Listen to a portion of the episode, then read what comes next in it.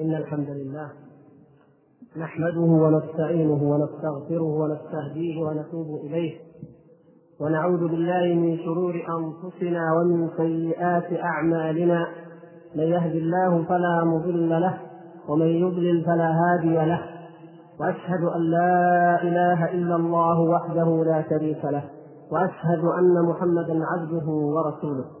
اللهم صل على محمد وعلى آل محمد كما صليت على إبراهيم وعلى آل إبراهيم إنك حميد مجيد. وبارك على محمد وعلى آل محمد كما باركت على إبراهيم وعلى آل إبراهيم إنك حميد مجيد. وبعد أيها الإخوة الكرام أيها الإخوة المؤمنون السلام عليكم ورحمة الله وبركاته. أشكر الله تبارك وتعالى الذي جمعنا بكم في هذه الليلة التي نسأله عز وجل من فضله وكرمه أن يجعلها طيبة مباركة. كما نشكر الإخوة القائمين على هذه القاعدة البحرية على دعوتهم وأن كانوا سببا في هذا الاجتماع الطيب. ونعتذر إليكم من حصل تأخير والحقيقة أن السبب أن الذي حددناه وقلناه هو أن تبدأ العاشرة والنصف فانا كنت ماشي على مهل. لأن قلنا حتى يستطيع الإخوان من خارج القاعدة أيضا أن يتكاملوا وأن يحضروا. فمعذرة على اي حال على ما حصل. ونقول إننا تحدثنا في الأسبوع الماضي عن مستقبل العالم الإسلامي في ظل الحرب الصليبية الجديدة. المتفكرة بما يسمى الوفاق الدولي.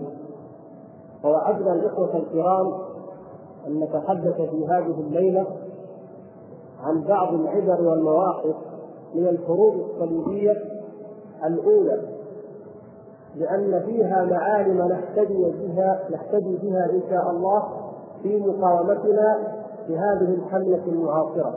ولأن فيها من العبر والعظات الشيء الكثير الذي قصرت عنه الأفهام أو أن العيون ولم يطلع عليه.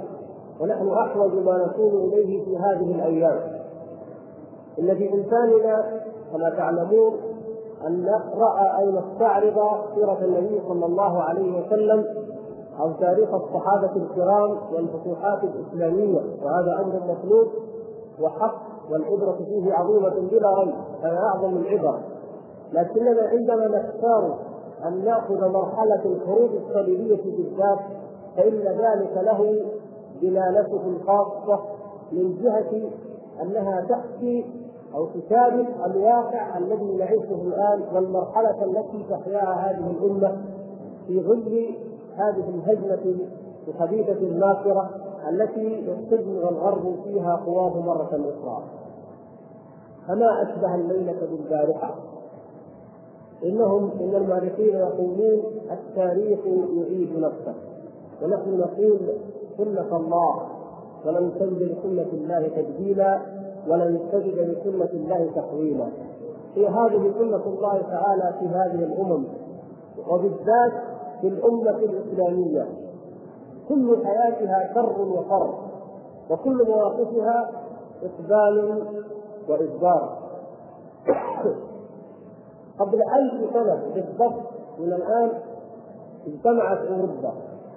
شرقها وغربها وشمالها وجنوبها في غارة واحدة على العالم الإسلامي. جاءت الجيوش من بولندا ومن فرنسا ومن ألمانيا ومن الشمال وكذلك من إيطاليا. فما بقيت تقريبا بقعة في أوروبا إلا وتدفقت منها الجيوش استجابة لداعي تلك الحملة الهوجاء التي بدأها أول من بدأها البابا جريج السابع الطاغية المشهور ثم خلفه البابا أرجان الثاني ومعه المدعو بطرس الناصر. بطرس الناصر. هذا المشهور جدا في تاريخ الحروب الصليبية ماذا فعل؟ إنه ركب حمارا وطاف به أرجاء أوروبا داعيا للمسلمين داعيا الصليبيين أو الأوروبيين إلى حرب صليبية دينية على المسلمين الذين انتزعوا منهم بيت المقدس والذين يهينون الحجاج النصارى ويسيئون إليهم رفع عقيرته بهذه الدعوة الخبيثة فاستجابت له جموع من الوقوف الخوارج يعترف التاريخ كله شرقيه وغربيه أنهم كانوا مجموعات من الوحوش والرعاع والهمج الذين لا يضبطهم ضابط ولا يرجعهم راجع في خلق أو دين. وإنما هو تعصب حاقد جمعهم فانتالت هذه الجموع وتدفقت إلى المملكة البيزنطية اوروبا الشرقيه آه، الإمبراطورية الشرقيه ومنها إلى بلاد الشام حيث بدأت تلك الحرب التي تسمى الحروب الصليبية واحتلوا مواقع كثيرة أهمها بلا ريب القدس التي كانت وخضعت لهم قرابة قرن حتى حررها الله سبحانه وتعالى واستنقذها بصلاح الدين الايوبي ولن نطيل عليكم في التفصيلات التاريخية وليس بطبيعه الحال هدفنا الاساس لكن لا بد أن نعرف على بعض الأمور التي كما قلت نأخذ منها العبرة لواقعنا وحاضرنا. أول ما يتبادر إلى الاذهان هو كيف استطاع هذه الجموع الهمجيه أن تحتل العالم الاسلامي وأن تأخذ اظهر بقعة وأقدس بقعة بعد الحرمين الشريفين. أين الأمة الإسلامية؟ والواقع أن حال الأمة الإسلامية يرثى له وأن السبب هو كما قال الله تبارك وتعالى قل هو من عند أنفسكم السبب وأن هذه الأمة كانت تستحق أن تؤدب بالصليبيين وأن ترجع وتعاقب بأمثال هؤلاء لكي ترجع إلى رب العالمين. كيف كان حاله؟ أولا العوامل الداخلية كانت الممالك كما تسمى أصبحت ممالك. دولة السلاجقة أصبحت ممالك موزعة ممزقة وكل أمير يحسد أخاه. والإخوة أبناء السلطان الواحد يتقاتلون على الموت. حتى أنه بلغ الحال أن أي مدينة من المدن ولا سيما المدن الكبرى في بلاد الشام والعراق أصبحت دولة أو سلطنة. حلب دولة دمشق دولة مثلا الموصل دولة. وهكذا. أي مدينة طرابلس وغيرها فهي دولة أو دويلة. كل منطقة أو مدينة أصبحت دولة مع أن بعضهم كانوا أبناء رجل واحد. وتحاسد وتباغض وشحناء وانغماس في الشهوات والملذات كانت آثاره واضحة عندما قدم الصليبيون. قد تستغربون أيها الإخوة إذا قلنا إن الصليبيين عندما قدموا الذين وصلوا منهم فعلا إلى الشرق الإسلامي إلى بلاد الشام أعداد قليلة. بضعة ألوف في كثير من معاركهم كان المقاتلون فقط بضعة ألوف من الفرسان والمشاة ومع ذلك فعلوا ما فعلوا. معرة النعمان وحدها قتلوا فيها أكثر من مئة ألف من المسلمين وغيرها من المدن كذلك. كيف حصل هذا؟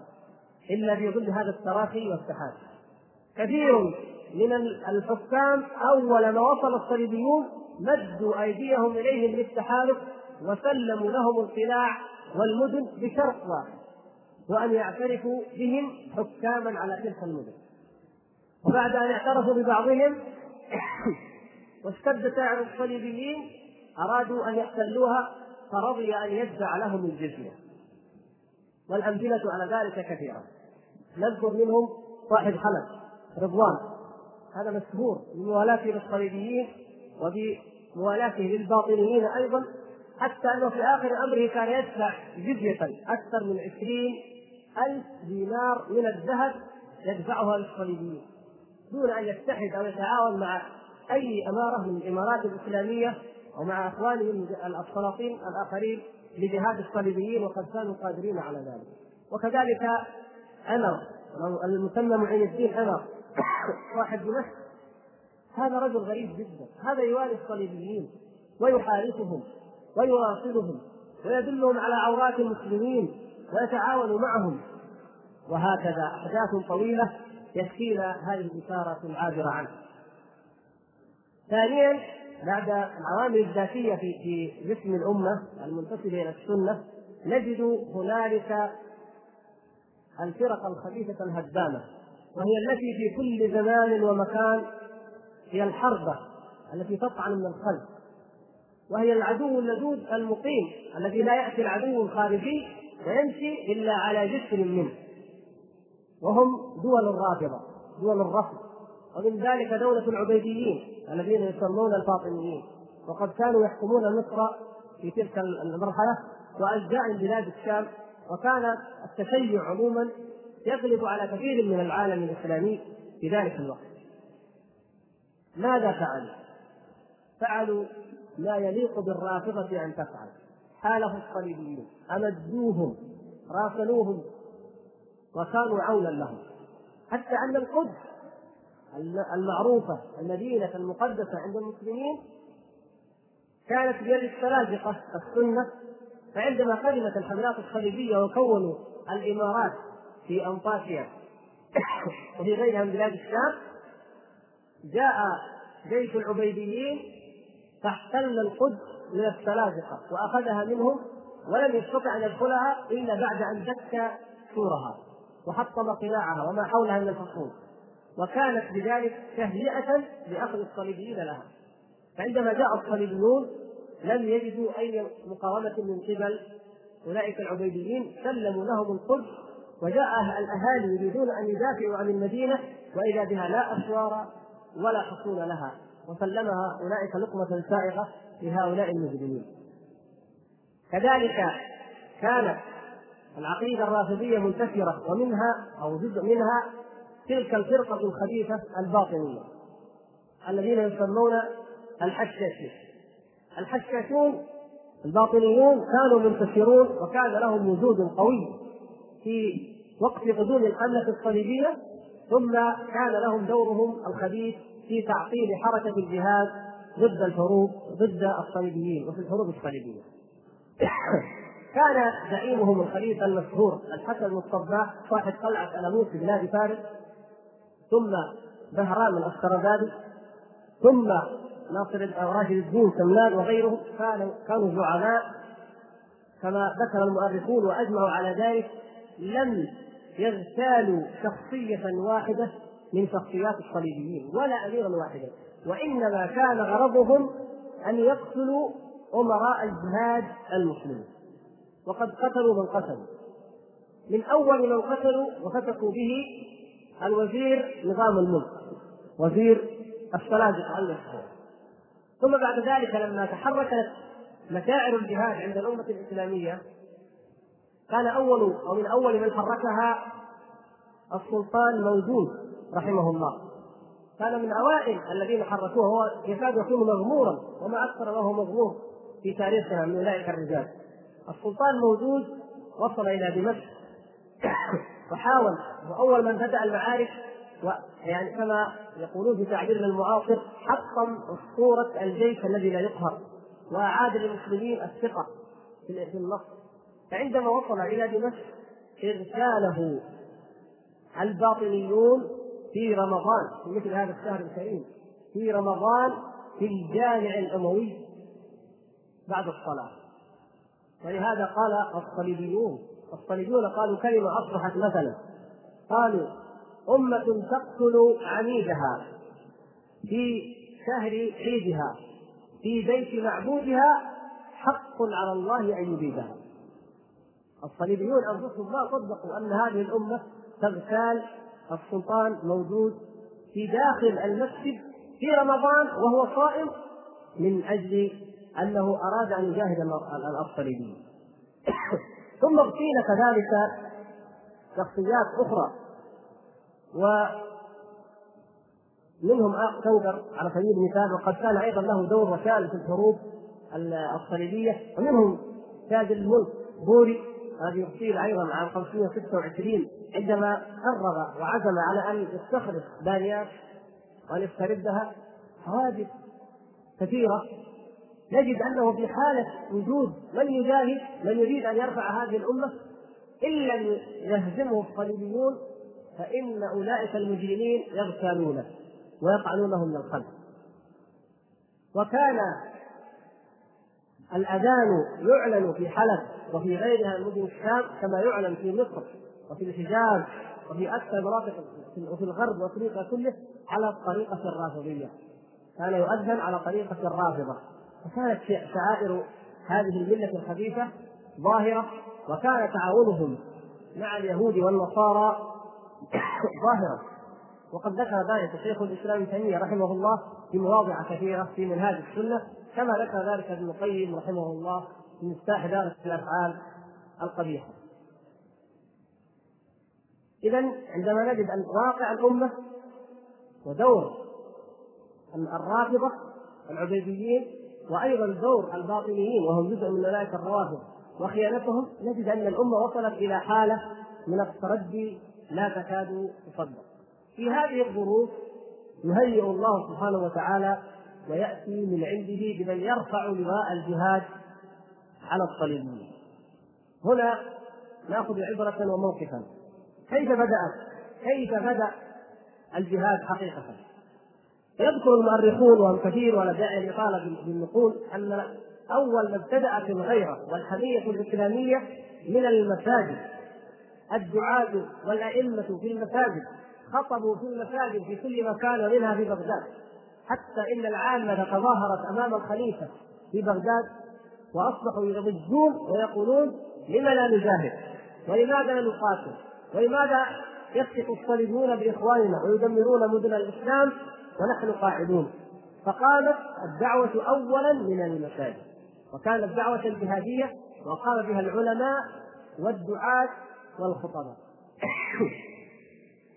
الأمر الثاني أن الدعوة قامت نقية من الولاءات المشبوهة يا أيها الذين آمنوا لا تتخذوا بطانة من دونكم لا يألونكم خبالا ودوا ما عنتم قد بدت البغضاء من أفواههم وما تخفي صدورهم من المستحيل لأي جيش جهادي أن ينتصر وفيه الخونة أو وهو موال للخونة.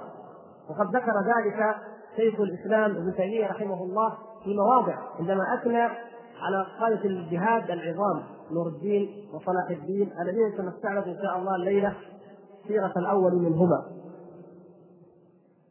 يقول رحمه الله أو ذكر رحمه الله في الجزء الثامن والعشرين من مجموعة فتاوى كيف أن الله سبحانه وتعالى أذل دولة الرافضة العبيديين في مصر لأن وزراءهم كانوا من اليهود ومن النصارى الأرمن وغيرهم ولأنهم والوا الكافرين فسلط الله تبارك وتعالى عليهم.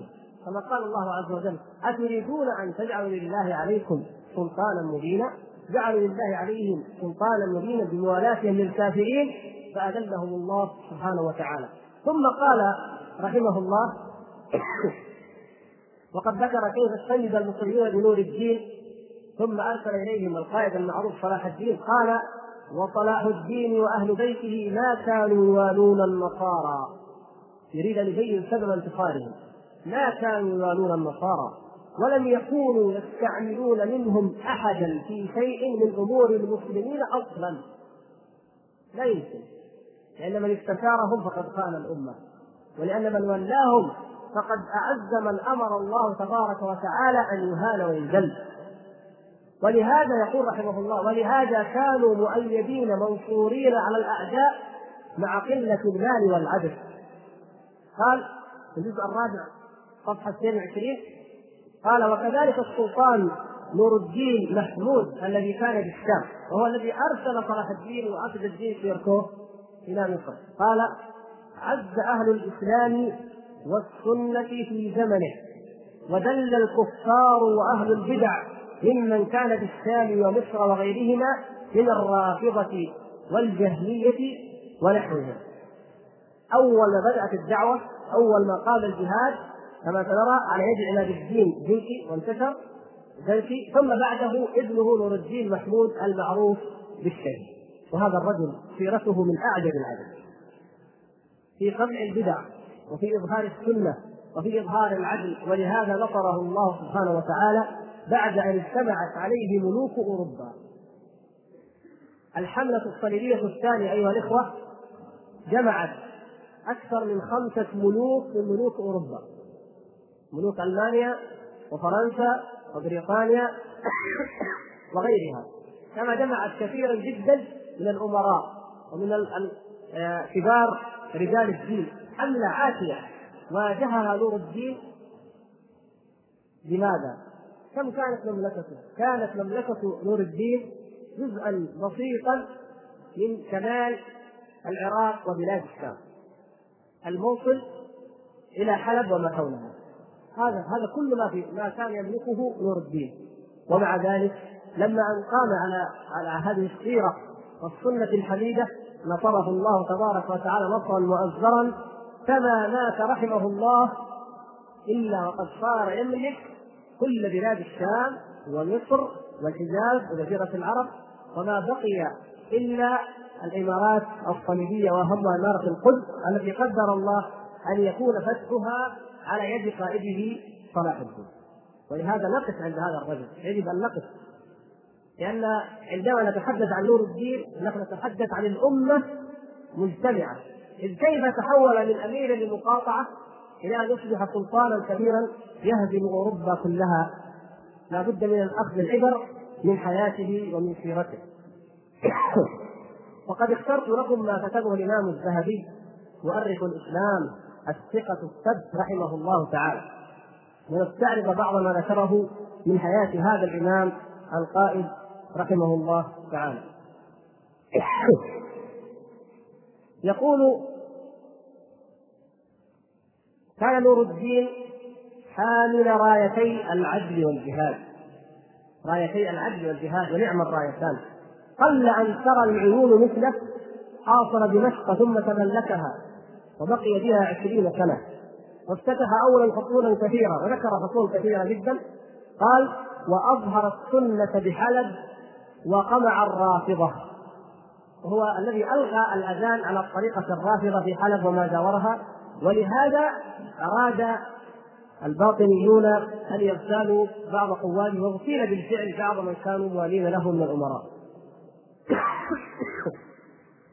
من أعظم أعماله أنه اسس العلم على العقيدة الصحيحة والعلم الصحيح. فأنشئت دور العلم. يذكر المؤرخون أنه لما قدمت الحملة الصليبية الأولى كان عدد المدارس في بلاد الشام التي تسمى دار الحديث أو ما أشبهها وهي عبارة عن كليات علمية أو مراكز علمية متكاملة مثل المعاهد أو الكليات المتخصصة. كانت مدرسة واحدة فقط عند قدوم الحملة الصليبيه وفي أيام صلاح الدين كانت أكثر من تسعين مدرسة. إذا الأمة أيضا نهضت نهضة علمية ودعوية ولهذا من حقها أن تنتصر بإذن الله سبحانه وتعالى. انشا نور الدين المال السام المستشفى ودار الحديث والمدارس والمساجد. ومن العجب في حياته أنه كان يتعرض للشهادة ويسأل الله سبحانه وتعالى دائما أن يرزقه الشهادة هذا الرجل. مع أنه لم يمت في معركة كما سنرى إن شاء الله. يقول كاتبه أو كاتب سره كان كنت أسمعه أو كان أسمعه ويسأل الله أن يحشره في بطون السباع وحواصل الطير يريد أن يكون قبره بطون السباع وحواصل الطير. ويقول الذهبي رحمه الله أيضا إنه أرسل جهز نور الدين رحمه الله جيشا نجدا مع نائبه أسد الدين في ركوه فافتتح مصر وقهر دولتها الرافضية وهربت منه الكريم وأباد العبيديه واستأصلهم والحمد لله. قال ابن الجوزي رحمه الله جاهد يعني نور الدين جاهد وانتزع من الكفار ميتا وخمسين مدينة وفتنة يعني أكثر من خمسين مدينة وحصن انتزعها نور الدين في هذه الحياة في في وقت يعتبر وجيزا يعني. يقول ابن الأثير طالعت السير فلم ارى فيها بعد الخلفاء الراشدين. وعمر بن عبد العزيز وعمر بن عبد العزيز أحسن من سيرته ولا أكثر تحريا منه للعدل. وذكروا ذكروا أمثلة عجيبة من عدل هذا الرجل. قال كان لا يأكل ولا يلبس ولا يتصرف إلا من ملك له قد اشتراه من سهمه من الغنيمه جاهد وأخذ سهمه من جملة المسلمين. سهمه من الغنيمه من جملة المسلمين أخذه وأخذ ينميه فكان أحد مصادر دخله وهو يملك هذه البلاد. وكان له مصدر آخر عجيب للدخل. يقول قبط بن الجوزي كان له عجائز. كان في عجائز يتعامل معهن. كان يخيط الكواكب ويعمل السكاكب هذا السلطان سلطان نور الدين الذي يحارب ملوك أوروبا جميعا. كان يعمل الكوافي ويعمل السكاكر فيعطيها العجائز فيبيعنها سرا ويفطر على ثمنها يعني لو كان كثير الصيام نافلة. فيفطر من الحلال من القوت الحلال الذي تبيع له العجائز حتى لا يأخذ من بيت المال أي شيء. ومثل هذا جدير أن ينصره الله سبحانه وتعالى. ومن عجائب أخباره أن زوجته طلبت منه ماله وألحت عليه. فتذكر أن من جملة سهمه في الغنيمة ثلاثة دكاكين في حلب قد كان في جملة فأعطاها إياها فقالت ما ما تكفي؟ ثلاثة دكاكين؟ ما تنفعني. زوجة السلطان اللي يحكم هذه البلاد. يعني ما يعادل الآن ستة أو ثمان دول. قال ليس لي إلا هذا. وجميع ما أنا فيه جميع ما فيه ما بيدي أنا خازن للمسلمين. لا أملك أي شيء. قال وكان يتهجد كثيرا لم يترك في بلاده على سعتها نفسا. هذه المكوس مسألة عجيبة إن شاء الله سنأتي عليها بعد أن نستعرض شيئا من سيرته الأخرى. من تواضعه رحمه الله أن أحد القوات أو المقربين إليه قال له في إحدى المعارك بالله لا تخاطر بنفسك. يا نور الدين بالله لا تخاطر بنفسك. فإن اصبت في معركة لا يبقى للمسلمين أحد إلا أخذه السيف يقول من يبقى بعدك اذا مت لا تخاطر لا تغامر في المعركة. فقال ومن محمود؟ قال ومن هو؟ حتى يقال هذا حفظ الله البلاد قبلي لا إله إلا هو. من أنا اذا من أنا حتى إذا مت ضاع المسلمين؟ قد حفظ الله البلاد قبل وبعد انظروا كيف يعني معرفة بعظمة الله سبحانه وتعالى.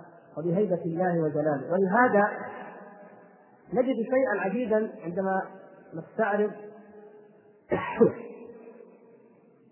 كان المسلمون أعجبوا اعجابا شديدا عندما نستعرض شيئا من موقفه في هذه القضية قضية التواضع. أعجب المسلمون اعجابا شديدا بنور الدين محمود. وأخذوا يضجون في الدعاء له. أعجب المسلمون اعجابا شديدا بنور الدين محمود. وأخذوا يضجون في الدعاء له لما نصره الله ولما أبطل المكون عن الضرائب والجزيه التي كانت العشور التي كانت تؤخذ من المسلمين. لما رأوا عدله وجهاده وتمسكه بالسنة كانوا يلهجون بالدعاء له في رمضان وغيره. قال وكانوا إذا دعوا له يطيلون في الدعاء فيمدحونه بما ليس فيه فغضب. وقال إن خطباء المساجد يبالغون في الدعاء. فجمع جمع أركان المقربين له وقال لهم لا بد ان تعدلوا هذا. فكتبوا صيغة يعني كلما يضعون صيغة يخففها حتى اتفقوا على صيغة واحدة فقط يدعى بها له في المساجد. وهي اللهم أصلح عبدك الفقير إلى رحمتك الخاضع لهيبتك المعتصم بقوتك المجاهد في سبيلك المرابط لاعداء دينك؟ أبا القاسم محمود بن زيدي بن آخ كوثر ناصر أمير المؤمنين. انه دافع نيابه عن فقط هذه الصيغة يقول فقط لا يزاد في الدعاء على هذه الصيغة ولا داعي للمديح والاستطراد فيما لا خير فيه. ويقول لما قيل له بذلك وأتي قال مقصودي أن لا يكذب على المنبر. هذا بخلاف ما كل ما يقال. أفرح بما لا أعمل. قلة عقل عظيم. يقول لا أحب أن احمد بما لم أفعل. هذا من قلة العقل. أن يقول فتح وجاهد وفعل وأنا ما فعلت قال لا. الذي كتبت جيد هو. يكفي هذه الصيغة. اكتب به نسخا حتى نسيره إلى جميع البلاد. ثم أضاف قال ثم يبدأون بالدعاء اللهم أره الحق حقا اللهم أسعده اللهم انصره اللهم وفقه من هذا الجنس. يقول خلي الناس يدعوا فقط من جنس هذا الدعاء. أره الحق حقا وما أشبه أما المدح والثناء يقول فهذا هذا لا أريده. ومن قلة العقل أن أدعهم يثنون علي بما ليس في أو بما يغرني أو يفتنني؟ ولهذا يقول الحافظ الذهبي رحمه الله كان دينا تقيا. لا يرى بذل الأموال إلا في نفع وما للشعراء عنده نفاق. لا ينفق سوق الشعراء المداحون الذين كانوا يمدحون من قبله ومن عاصرهم الملوك والسلاطين. فيحشى فم الشاعر باللآلئ التي ثمن اللؤلؤ الواحد عشرة آلاف دينار لا سوق لهم. كما كما كان عمر بن عبد العزيز رضي الله تعالى عنه. ولهذا قال فيه أسامة بن موسى سلطاننا زاهد والناس قد زهدوا له فكل على الخيرات ملتمس. أيامه مثل شهر الصوم قاهرة من المعاصي وفيها الجوع والعطش. يقول نحن الشعراء نعتبر أيام الخليفة نور الدين مثل أيام شهر الصوم مثل أيام رمضان. طاهرة من المعاصي صحيح لكن فيها الجوع والعطش. الشعراء لا يجدون سوقا يقول قصائد ولا ما يقولوا ما في شيء. الأموال تذهب للجهاد.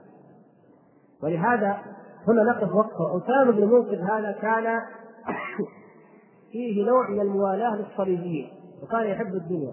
حتى أنه ذهب مع معين الدين أنور هذا الذي كان في دمشق مواليا للنصارى كان سفيرا بينه وبين الصليبيين. وكثير من هذا النوع يوجد من الشعراء والكتاب في كل زمان ومكان الذين يبيعون دينهم ويقولون أمتهم مقابل شيء من المال أو من الشهرة نسأل الله العفو والعافية. آه، في موضوع يتعلق بالرياضة نؤخره قليلا لأنكم قد تستغربون أن السلطان نور الدين محمود كان عنده رياضة فنؤجل هذا الموضوع حتى نتعرض لمسألة العدل العدل الذي اشتهر به هذا السلطان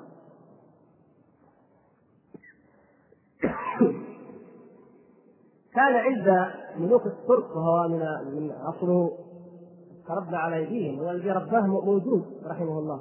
موجود الذي قتل في المسجد هو الذي آه، ربى عماد الدين ثم كان ابنه نور الدين. فهم تربوا على نفس التربية.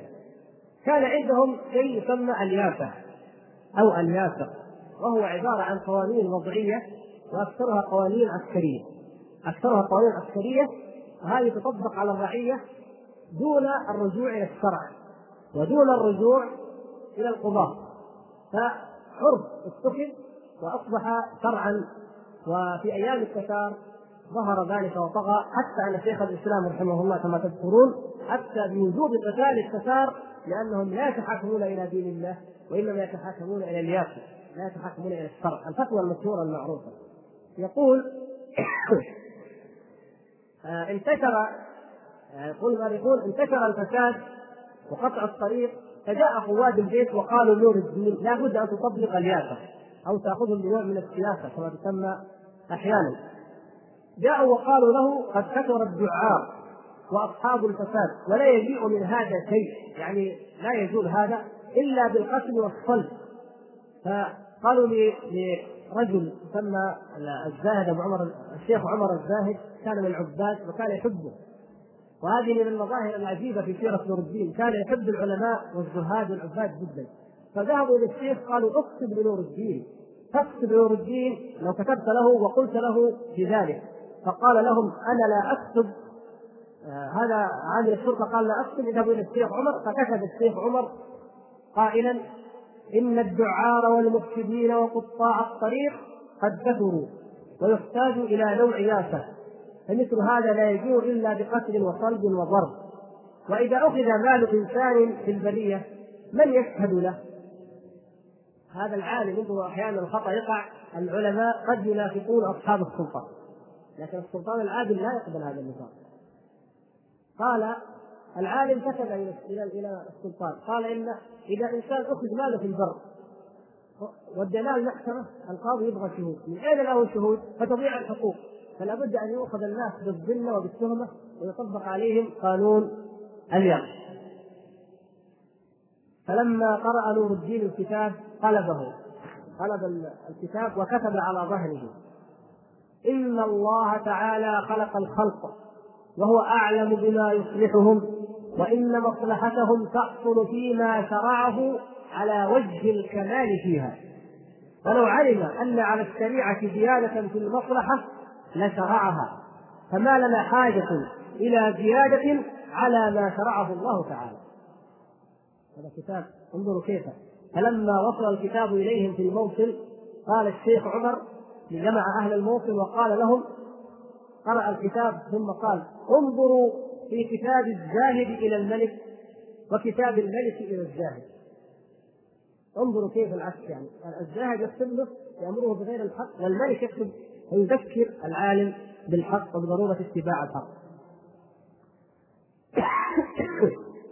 وكان نور الدين قرب الفقهاء وأخباره بذلك مشهوره كان يقرب الفقهاء والقضاة والعلماء ولم يكن لأهل اللهو واللعب واللغط في مجلسه أي مجال ولا مكان.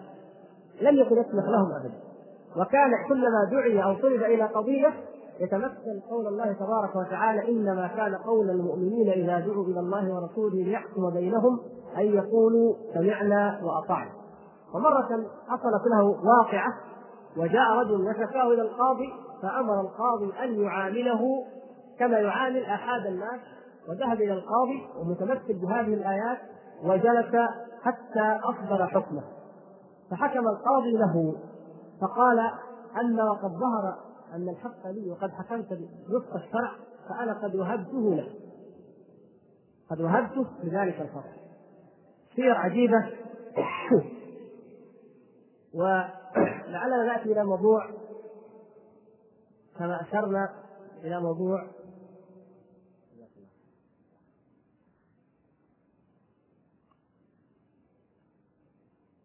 موضوع العشور. تكاثر الصليبيون وتكاثرت الأمم الغربية من كل مكان كلها تمول هذا العدوان على العالم الإسلامي. وكان نور الدين محمود يعيش في قلة كما ذكر شيخ الإسلام رحمه الله في قلة من العدد والمال. ماذا يصنع نور الدين؟ فيحتاج إلى المال والجهاد لابد فيه من المال. ووجد أن من قبله كانوا يأخذون الضرائب المكوس العشور يأخذونها من الرعية من المسلمين ويجمعونها ليجاهدوا بها الصليبيين والمعارك تكون خاسرة. ما في نصر وأحيانا النصر أحيانا هزيمه فهو ما رضيت سيرته المتأسية بالخلفاء الراشدين ما رضيت له هذا الأمر. وقال لا بد من إبطال هذه المكوس وهذه الضرائب. فأمر بإبطالها جميعا. وكتب انظروا يا إخوان كيف الرجل العجيب هذا. كتب إلى جميع البلاد وإلى جميع القرى والأمصار أنه قد ألغاها الغاء ابديا وأنه يطلب من جميع المسلمين من فوق منابر الجمعة كل الخطباء في دولته يطلبون من المسلمين جميعا أن يسامحوه على ما أخذ منهم فيما مضى وأن يستغفروا الله تعالى له من ذلك. وكان يقوم الليل ويبكي كلما تذكر ذلك يقوم الليل ويبكي ويقول اللهم ارحم العشار المساك اللهم ارحم العشار المساك ويبكي ويقنط لأنه كان يأخذ العشور ويأخذ المكوس من المسلمين. لما أمر بذلك قال له قادة جيشه وأركان حربه إن فعلت ذلك لم يبقى لنا شيء نجاهد به الصليبيين. فقال لهم إن كان الجهاد لا يأتي إلا من هذا من المال الحرام فلا نريد الجهاد. قالوا إنك إن لم تريد الجهاد أنت جاهدك أعداؤك. قال لا لا نجاهدهم إلا بالحلال والله تعالى هو المستعان. أو كما قال. فألقى ذلك كله. فكانت النتيجة أن الله سبحانه وتعالى نصره وبارك له في القليل الذي أعطاه. يقول الإمام الذهبي رحمه الله. أسقط المكوس في بلاده يقول وقد ذكرته في تاريخنا الكبير. كتاب التاريخ الكبير مفصلا. ومبلغه في العام خمسمائة ألف دينار وستة وثمانون ألف دينار وأربعة وسبعون دينارا من نقد الشام. انظر هذه المبالغ الباهظة. أسقطها لما علم أنها حرام ولم يستعن بها في الجهاد. ليس لم يستعن بها على شهواته أو ملذاته بل حتى في الجهاد لا يقول لا نصرف في الجهاد إلا ما كان حلالا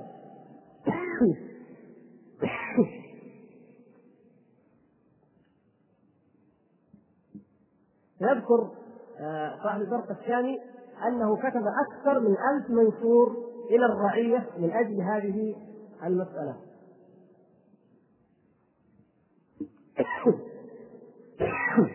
المسألة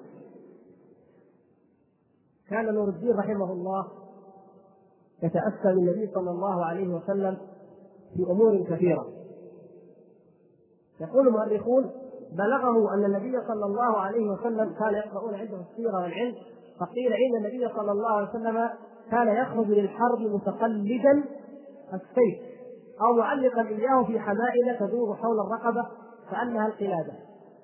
قال سبحان الله ولماذا نحن نجعل السيوف نحزمها في حجام ونجعلها في الوسط؟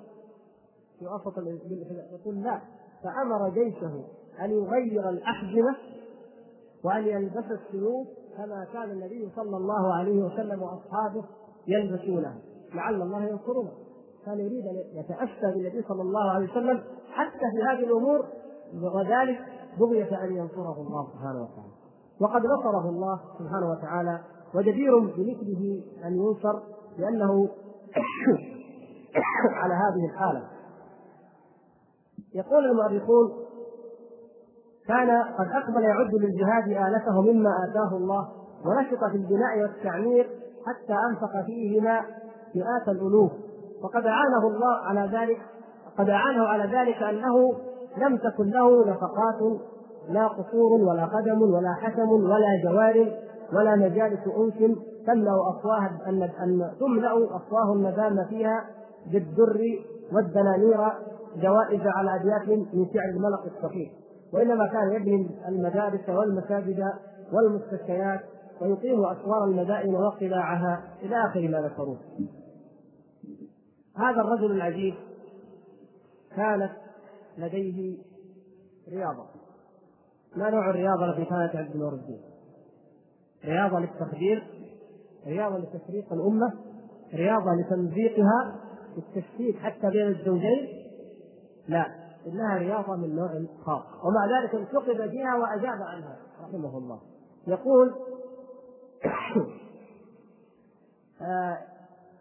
فقه بن جوزي عنه قال لم يلبس نور الدين حريرا ولا ذهبا ومنع الخمر بيع الخمر من بلاده وكان وكان كثير الصوم وله أوراد في الليل والنهار فيكثر اللعب بالكرة. يعني كيف الوصف؟ كيف يشتغل هذا الوصف؟ لم يلبس الذهب ولا الحرير ومنع الخمر. من العجائب يا إخوان أن ابن ابن نور الدين رحمه الله توفي وعمره أقل من 20 سنة. بعد أبيه. شاب. وكان عنده مرض يسمى القولن معروف يعني مرض. فأصر الأطباء عليه أن يشرب الخمر. قالوا لا علاج لك إلا أن تشرب الخمر. فقال والله لا أشربها. أبى أن يشربها وأبى أن يعصي الله. فجاء له بفقهين أحدهما شافعي والآخر مالك. نعم مالك. وقال له لا بأس أن تشربها. لضرورة. فأقسم أنه لا يعصي الله سبحانه وتعالى ولا يموت في جوفه شيء مما حرم الله. وتوفي رحمه الله. هذا ابن فكذلك كان أبوه. نقول مع هذه السيرة وكان يلعب يكثر اللعب بالكره كيف يلعب بالكرة؟ ما نوع هذه الكرة؟ كانت نوع من أنواع الرياضة تشبه كما يعني يبدو لي كما قرأت تشبه الجولف هذه الآن أو ما يسمى الجولف يعني عبارة عن كرة ترمى ويستقبلها الناس في طولجان وما أشبه ذلك كانوا يستخدمون فيها الخيل يستخدمون الخيول ويلعبون بها وكان نور الدين محمود رحمه الله يركب الفرس هو وجيشه ويلعبون هذه الكرة. فلما أنكر عليه كيف تفعل ذلك؟ قال والله ما أقصد اللعب. والله ما أقصد اللعب. وإنما نحن في ثغر نحن نحن على ثغور الجهاد. فربما وقع الصوت. ربما نادى المنادي للجهاد فتكون الخيل قد أدمنت على الانعطاف والكر والفرق يعني يكون مستعد للجهاد هذه هي كرة أو هذا هو اللهو وهذا هو الحق كما ذكر صلى الله عليه وسلم. أن كل لهو ينهو به المسلم باطل إلا ثلاثة ومنها هذه الحالة أن يكون الإنسان مدربا أو ملاعبا لفرسه ليجاهد في سبيل الله عز وجل. آه، حتى ان ابن كثير رحمه الله يثني آه، على على قوته يقول نقل عن ابن كان من أقوى الناس قلبا وبدنا. لم ير على ظهر فرس أحد أشد منه. كانما خلق عليه لا يتحرك. وكان من أحسن الناس لعبا بالكرة. يجري الفرس ويخطفها من الهواء ويرميها بيده إلى آخر الميدان ويمسك الدوكان بكله تهاونا بأمره. ويقول وكان يقول طالما تعرضت للشهادة فلم أدركها. يتأسف طالما تعرضت للشهادة فلم أدركها. قال قال الذهبي رحمه الله قلت قد أدركها على فراشه. وعلى ألسنة الناس نور الدين الشهيد. سبحان الله اسم نور الدين الشهيد في التاريخ مع انه مات على فراشه. فيقول الذهبي رحمه الله لعل هذا إن شاء الله شأن حسن له. وقد أدركها على فراشه بماذا؟ بماذا؟ بتمنيها وبالسعي إليها لأن من تمنى الشهادة وهو صادق كما أخبر صلى الله عليه وسلم أعطيها وإن مات على فراش فتمنى الشهادة في سبيل الله فأعطيها. آه، ما أقصد بالحقيقة أن أقيم عليكم في سيرة الرجل فهي سيرة عجيبة وجدر بنا أن نقرأها وأن نتأملها وهي ما ذكرت منها إلا موجزا وإنما نريد أن نصل إلى العبرة العبرة النهائية أن هذا الرجل الذي افتتح إمارات الصليبيين ثم رزقه الله سبحانه وتعالى بقائده صلاح الدين فأكمل فتحها بعد حطين وقضى على أوروبا التي اجتمعت عليه. هذه كانت صفته وهذه كانت صفة الأمة التي كان فيها. وهكذا جمع الله تبارك وتعالى بمثل هذا الرجل الأمة بعد الفرقة والشحناء جمعها على السنة بعد البدعة فقمع دولة الرافضة وقهرها كما رأيت مثل العلماء رحمهم الله وأزال البدع من الأذان ومن غيره وأعاد تدريس الحديث والسنة في المساجد وقرب العلماء والفقهاء ومكن للشرع والقضاة وقطع داجر الدعارة والفساد ومنع بيع الخمور والزنا كل ما يتعلق بها كان شديدا في الانكار على أهلها قويا عليها فلما كان كذلك وطهر البلاد من الفساد من من أكل الحرام من المكوس المكوس والربا يا إخوان امرها عظيم. النبي صلى الله عليه وسلم لما قال قيل أو تكلم في المرأة التي زنت ورجمها الصحابة الكرام قال لقد تابت توبة لو تابها صاحب نفس لقبل منه أو لغفر له. دليل أن النفس أعظم من الزنا. والربا كذلك كما روى الإمام أحمد رحمه الله في حديث صحيح درهم ربا أشد من ست وثلاثين زنية والعياذ بالله. فالربا والمكوس والضرائب واكل الحرام عموما سواء للأمم أو للافراد هذا يبعد النصر ويدمر الأمة. ويكون بينها وبين وعد الله تبارك وتعالى لها بأن تغلب أعداءها وأن تهزمهم وقد قضى عليها. قضى على ذلك كله فنصره الله سبحانه وتعالى نصرا مؤزرا وأبقى ذكره. وإن كنا مع الأسف نحن المسلمين في غفلة عن ذكره.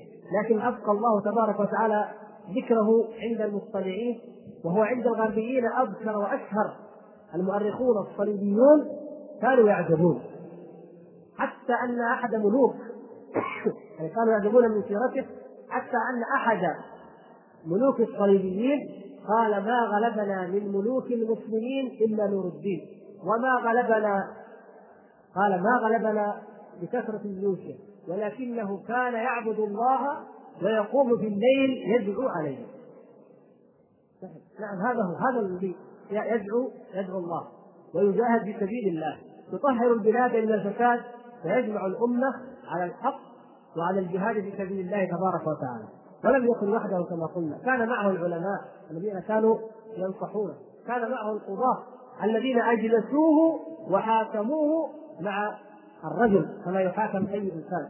كان معه القواد أيضا الذين كانوا يضحون ويجاهدون كما جاهد. ومنهم صلاح الدين رحمه الله. فهكذا ليس رجلا وحده وإنما هي كما قلت أمة متجسدة في سيرة هذا الرجل. فهزم الله تبارك وتعالى الصليبيين في الحملة الأولى ولا نستطيع أن نستعرض سيرة صلاح الدين لعل الله تعالى أن يتيحها في آه، موعد آخر إن شاء الله. ولكن نقول حسبنا بهذا الذي بدأ هذه البداية وأن الله تبارك وتعالى قد هزم الغرب مجتمعين فأظهر دينه وهزم الأحزاب وحده سبحانه وتعالى على يد هذا الرجل. فالعبرة قائمة وتاريخه موجود وجدير بنا أن ندرسه بعناية. لا كما هو موجود في مناهجنا. نور الدين ولد عام كذا توفي عام كذا وفتح الرها وحارب الصليبيين ووصل إلى دمشق. هذه هي السيرة. هذا هذا أي واحد يمكن يعملها؟ لا. نعرف لماذا انتصر. لماذا قرابة قرن من الزمان والمسلمون في ذل وانحطاط فلماذا انتصر هذا الرجل؟ وكيف كانت الأمة علميا؟ ودعويا وجهاديا وقبل ذلك وأهم كيف كانت عقائديا لما تحولت من البدعة إلى السنة ولما تحولت من المعصية إلى الطاعة ولما تحولت من الشهوات والملذات والجواري والسرف والقصور والحسن إلى الجهاد أكثر حياة صلاح الدين ونور الدين كانت في الخيام. أكثر حياتهم كانت في الخيام. كانوا يجاهدون في سبيل الله عز وجل. لما فعلوا ذلك نصرهم الله سبحانه وتعالى وإن وعد الله سبحانه وتعالى لا يتخلف. ومن أصدق من الله قيلا فكل من استحق نصر الله وهيأ نفسه له فإن الله تعالى ينصره بل ويمده بجند من عنده. نسأل الله تبارك وتعالى أن يبرم لهذه الأمة أمر رشد يعز فيه أهل طاعته ويذل فيه أهل معصيته ويؤمر فيه بالمعروف وينهى فيه عن المنكر. وترفع فيه راية الجهاد في سبيل الله. ونترك الوقت المتبقي للأسئلة. نسأل الله سبحانه وتعالى لكم القبول.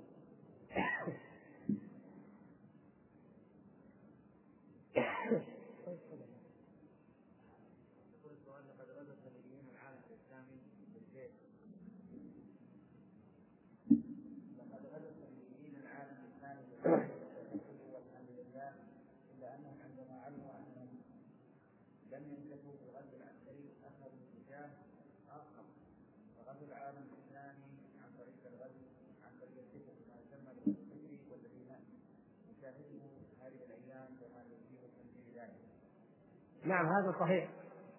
المعركة تغيرت. وسبب تغييرها سبب تغيير المعركة الحالية المعركة التي نخوضها الآن ومتغيرة في الشكل هو الحروب الصليبية الأولى. لأن في الحقيقة نستطيع أن نقول أنها ثلاثة حملات أو ثلاث حملات للصليبيين على بلادنا. بل إن أطول معركة في تاريخ الإنسانية هي معركة المسلمين مع الصليبيين مع النصارى لأنها تمتد منذ بعثة محمد صلى الله عليه وسلم وجهاده للروم هو وقواده من الصحابة إلى قيام الساعة. المعركة لا تنتهي. الحملة الأولى التي كانت كما ذكرنا. وصدها نور الدين وصلاح الدين. الحملة الثانية التي يسمونها الاستعمار وقد أعادت ذكريات الحملة الأولى. دخل قائد الجيش الفرنسي الجنرال جورو إلى دمشق. فقال دلوني على قبر صلاح الدين. لماذا؟ قال نريد في الحرب العالمية الأولى. فلما ذهب إلى إلى قبر صلاح الدين أخذ يركله برجله بحذائه ويقول ها آه نحن قد عدنا يا صلاح الدين. بعد حوالي ألف سنة يجددون ذكرى الحروب الصليبية الجنرال الليمبي قائد الجيش الإنجليزي الذي دخل القدس ومعه العرب. العرب الذين ألبهم الذين كانوا من أتباع الأمين لورانس. وأصحابه دخلوا مع الهندي القدس. واحتلها. ووقف على جبل الزيتون وقال الآن انتهت الحروب الصليبية. أعاد ما قبل ألف سنة أيضا. كانت هذه النزعة موجودة لديهم بوضوح. أما الحملة الصليبية الثالثة وهي أخطر الحملات فهي التي سيشهدها العالم الإسلامي عما قريب. لأن النوع فيها مختلف تماما. وهي تأخذ العبرة من الحملتين. أما من الحملة الأولى فلأن لويس التاسع الذي أسر في المنصورة في مصر متأخر عن أيام صلاح الدين رحمه الله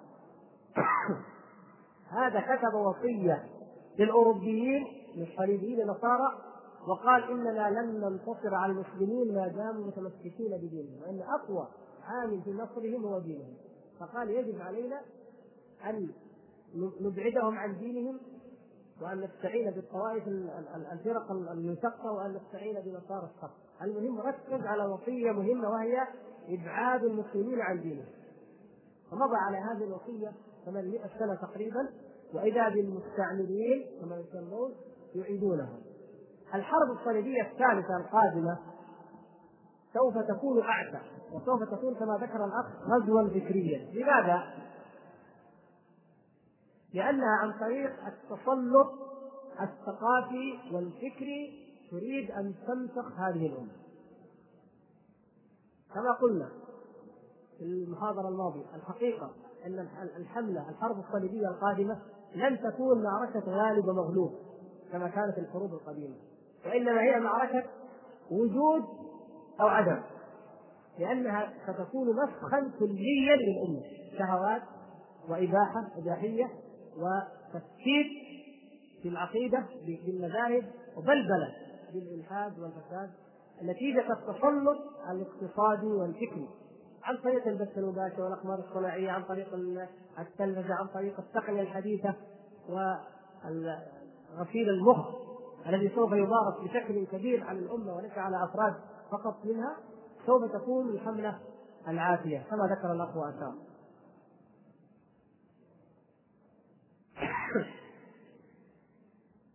يقول الأخ آه نرى أثابكم الله أن العالم وإياك أن العالم الإسلامي كان آه في حالة من النوم والغفلة حتى قامت الحروب الصليبية في القرن هو العام القرن الثالث الهجري. وبعد هذا الحرب نهض المسلمون واهتموا بالعلم والجهاد فنصرهم الله. نعم. يقول فهل ترى أن العالم الإسلامي الآن في انتظار حرب عالمية صليبية تعيد إليه عقله؟ نعم. الحرب قادمة ولا شك فيها. بعد ما يقارب عشرين شهرا فقط أو قريب من ذلك تكون أوروبا دولة واحدة وتبدأ الحملة التي لم يسبق لها مثيل وإن كانت في أساليب وأشكال مختلفة. وستعيد إن شاء الله للمسلمين رشدهم وصوابهم بإذن الله. وما علينا إلا أن نكون من السباقين إلى هذا الجهاد الكبير الذي سوف ينصر الله تعالى فيه دينه ولا ريب في ذلك. لكن المعركة قد تطول وقد يلاقي المسلمون من واقعهم السيء المرير أضعاف ما يلاقونه من من الأعداء الخارجيين. مثل قد يلاقي المسلمون من واقعهم السيء المرير أضعاف ما يلاقونه من من الأعداء الخارجيين. مثل ما لاقى وعانى موجود موجود الذي قتل كما ذكرت قتل وهو صائم في رمضان لأنه جاء يجاهد الصليبيين. حتى عرضوا عليه ان يفطر فقال والله لا أفطر حتى مات وهو صائم. رحمه الله. تعالى وعانى عماد الدين. عماد الدين والد نور الدين يا إخوان. تدرون كيف قتل؟ ما قتل ما قتله الصليبيون. أوغروا عليه بعض حرسه وقتلوه. وهكذا نور الدين قيل إنه قد سم. فالمعاناة من واقع الأمة المريض ستكون أشد. لكن إذا صح هذا الواقع على عقيدة مستقيمة ودعوة قويمة واجتماع كلمة المسلمين عليها بإذن الله فإن النصر حق ولا بد. بإذن الله تعالى.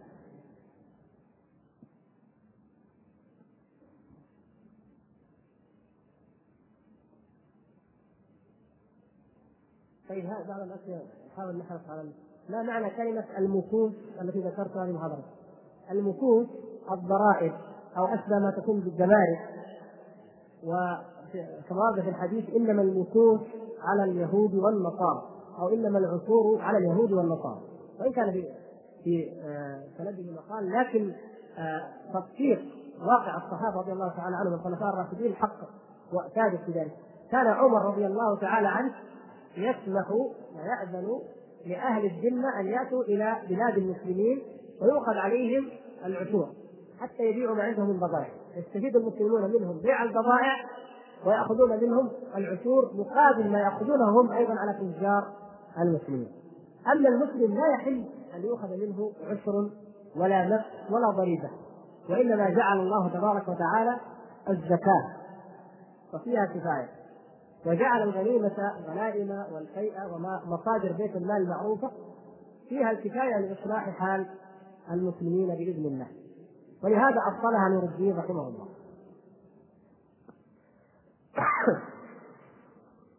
يقول الأخ أنتم كما أعرف أحد المسؤولين عن تطوير مناهج التعليم في المرحلة الثانوية والمتوسطة. لماذا لا تضمن هذه السير الصحيحة والدروس المستفادة للحروب الصليبية وغيرها وتدرس للطلاب أنا لست من المسؤولين عن التطوير. أنا كنت عضو في لجنة التأليف. شاركنا في بعض المقررات ولا يعني يخفى عليكم ولا ليس سرا أن مادة الفرق وقد نشرت وقررت ودرست بعد أن اشتمل الكتاب ألغي ألغي المقرر. ألغي. فهذه وبقي مقرر التوحيد الآخر. وهذا في الثانوية المتوسطة لا ليس لنا فيها دخل. وهذه المناهج مناهج تاريخ أكثر من كونها مناهج عقيدة. وهذا لا يمنع أننا نقول يجب علي وعليكم أننا نقصد إلى لجنة التطوير أو التطوير التربوي في وزارة المعارف إدارة التطوير التربوي ونحثها على أن يكون التاريخ كذلك.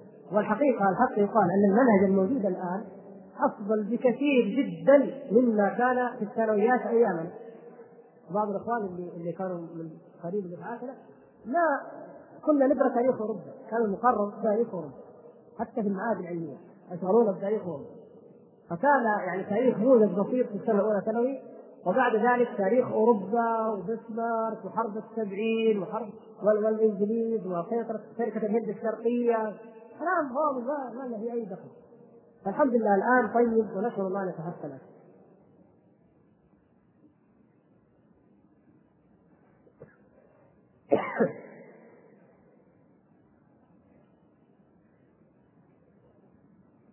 يقول الأخ قلت إن أسرة صلاح الدين كانت تكره النصارى كما قال ابن تيمية رحمه الله. وفي زماننا هناك من يحب النصارى ويقلدهم في كل شيء ويعجب بهم أشد الإعجاب.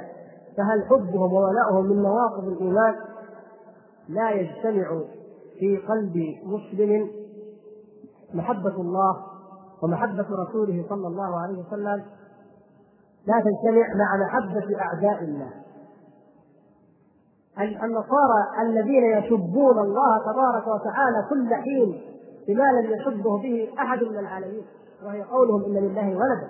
يسب ابن آدم وما ينبغي له ذلك. كما في الحديث الصحيح يسبون الله كل حين يقولون له ولد. تعالى الله عما يقولون علوا كبيرا. هؤلاء من يحبهم؟ الذين يقولون إن محمد صلى الله عليه وسلم ليس بنبي بل هو رجل كاذب وعبقري. ومصلح سياسي وداعيا للدعاة القومية العربية إلى آخره هؤلاء يوالون هل يواليهم مسلم؟ هل يحبهم مؤمن؟ هل يقلدهم من يحب رسول الله صلى الله عليه وسلم؟ ولهذا قال صلى الله عليه وسلم من تشبه بقوم فهو منهم الحديث هذا لنا وعلينا من تشبه بقوم فهو منهم تشبهوا بالصحابة والصالحين والمتقين والمجاهدين منهم إن شاء الله على طريقهم وإن تشبه المتشبه باليهود والنصارى وأعداء الله المجرمين فإنه يكون منهم عياذا بالله.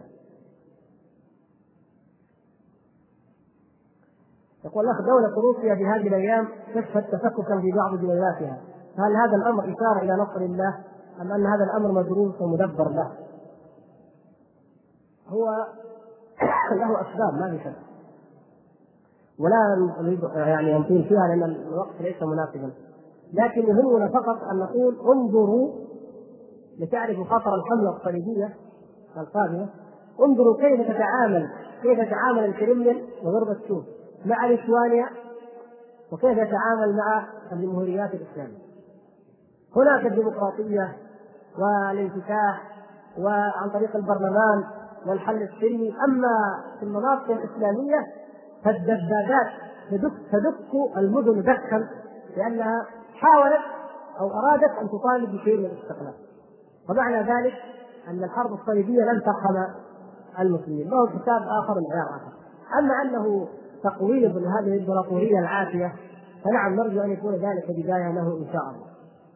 لكن هم على أي حال مهما اختلفوا فهم متعاونون علينا. لا شك في ذلك. متفقون على حربنا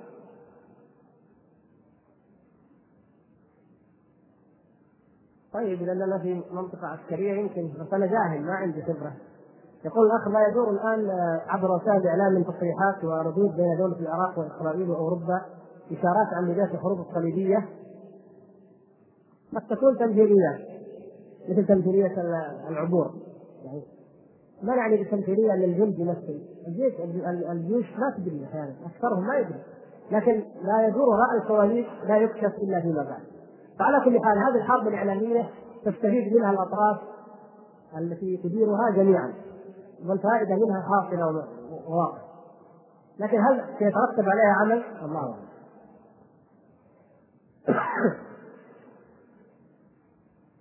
يقول الأخ هل تتوقع مواجهة بين دعاة القومية العربية والصهيونية العالمية؟ ما هو دور الشباب المسلم الواعي في مثل هذه الحروب أو المواجهة التي سوف يتأثر بها كل فرد سواء مسلم أو غيره؟ وإلى أي وإلى أي جنب يجتاز هؤلاء الشباب المسلمين أو ينحاز وما هو صنيعهم؟ لا يجوز أن نقاتل إلا تحت راية إسلامية، من قاتل لتكون كلمة الله العليا فهو سبيل الله. ومن قاتل تحت راية علية فمات فميتته ميتة جاهلية. أي راية عادية لا يجوز القتال تحتها. راية قومية، راية تحرير الأرض، راية الوطنية، راية الدولة العلمانية. العلمانية كفر. فراية الدولة العلمانية معناها أن الإنسان يقاتل تحت راية الكفر والعياذ بالله، وينصر الكفر. وهذا لا يجوز أبدا. وأنا لا أتوقع على المدى القريب أن يشتبك اليهود وهؤلاء القوميون في العالم ما أتوقع ذلك بل الآن تواطأ الشرق والغرب والدول كلها تقريبا على أنه لا حرب ولا عدوان على دولة إسرائيل. وإذا اردتم أن تاخذوا مثالا وقد ذكرنا كيف عمل الباطنيون وأن الباطنيون لم يغتالوا زعيما صليبيا واحدا وإنما اغتالوا أمراء المسلمين وأرادوا اغتيال صلاح الدين أكثر من مرة. أيضا الآن الباطنيون فيما مضى كانوا عصابات في قلاع. لكن الباطنيين اليوم لهم دولة.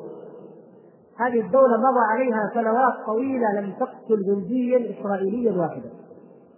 ولكنها قتلت عشرات الألوف من أبناء السنة في داخل البلد وفي خارجه. هل يجوز القتال تحت هذه الرايات؟ وإن قالوا نقاتل إسرائيل؟ فالعاقل يفهم.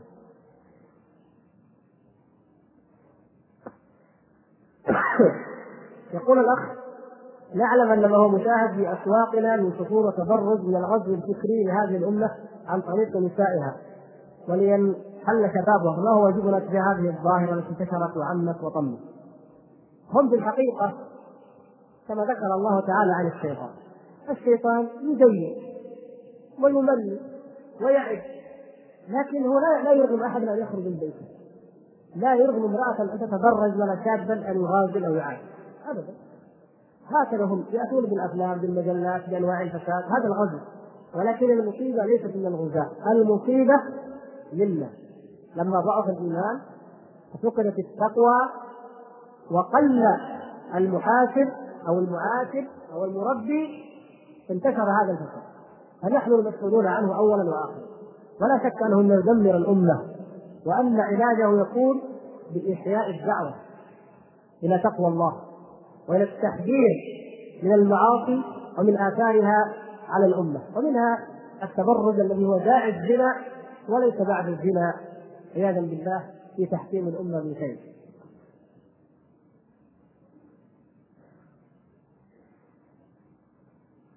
يقول الأخ نحن في مركز من مراكز الدفاع عن الإسلام.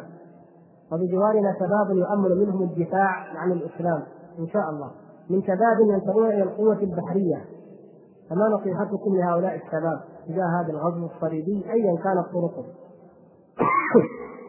الحمد لله الإخوان في البحرية من أخلص وجاهد لتكون كلمة الله هي العليا هو أكثر من لو واحد منا جاهد في البر ولا لا كم له من الادب؟ ها؟ ضعفه نعم يعني بشهيد البحر قام البحرية بشهيد البحر أجر شهيدين من شهداء البحر هذا فضل من الله سبحانه وتعالى عليهم. ولذلك يجب أن نعد العدة برا وبحرا وجوا بالإيمان الصادق والإخلاص لله سبحانه وتعالى والبعد عن المعاصي. ولا تؤاخذوني إن كررتها البعد عن المعاصي والاعتصام بالتقوى والصبر والاستعانة بالصلاة هذه في, هذه العبارات فقط نحدد كل ما نحتاجه في هذه المعركه وإن قال وفي أي معركة وفي أي زمان وفي أي مكان. أما إذا استوينا نحن وهم في المعصية فإن الفضل يكون لهم في القوة. هذه سنة الله سبحانه وتعالى.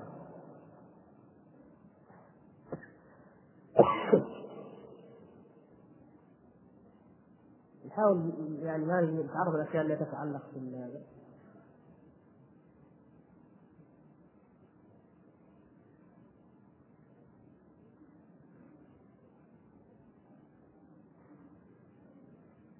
كان كذا بعدين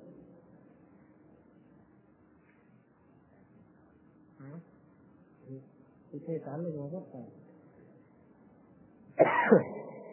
يقول الاخ سمعنا أنك قلت في درسك أن صلاح الدين الايوبي من الرافضة؟ أعوذ بالله. الذي قتل الرافضة وابادهم يعني أرجى أرجى عمل لصلاح الدين رحمه الله قضاؤه على الرافضة. هو عندي بل لا أقول عندي لأن عند علماء الإسلام الذين كتبوا عنه أرجى من قتله للصليبيين. وأفضل قربة إلى الله تعالى من قتله للصليبيين. قضاؤه على تلك الدولة الرافضية التي كانت تنادي وهي تقول من لعن وشد فله كيل وإرجد يعني من لعن الصديق والفاروق رضي الله تعالى عنهما ولعن من لعنهما. من يلعنهم يأخذ ومن لا يلعنهم لا يأخذ ولا يأخذ. هذه دولة يقضي عليها صلاح الدين فيكون من الرافضة حاشاه من ذلك والحمد لله وما هي عقيدة صلاح الدين؟ بهذه المناسبة أقول اولا يا إخوان لا نفترض بكل قائد أو مجدد أن يكون كاملا أو معصوما المعصوم من عصمه الله وهذا هذا خاص بالرسل الكرام ولكن نقول هل كان صلاح الدين اشعريا كما يقال؟ بعض العلماء المقريزي بعض المؤرخين المتاخرين قالوا كان اشعريا اظهر العقيده الأشعرية. في الحقيقة لا صحة لهذا الكلام بالإطلاق على الإطلاق. لماذا؟ لأن بعضهم يسمي الأشاعرة أهل السنة. فيقول أظهر العقيده الأشعرية ويقصدون أنه أظهر عقيدة أهل السنة. صلاح الدين رحمه الله ونور الدين منعوا كتب المنطق والفلسفة. وفي أيام دولة صلاح الدين وأبنائه كانت كتب الفلسفة محرمة وممنوعة وتحرق ان وجدت ولذلك كان اتجاههم إلى السنة. لكن قد تخفى بعض المسائل حتى على علماء عصرهم قد يوجد بعض الأمور. نعم لا لا ندعي لهم الكمال على حال ولا عصمه ولكن السؤال هل كانوا دعاء إلى البدعه؟ لا.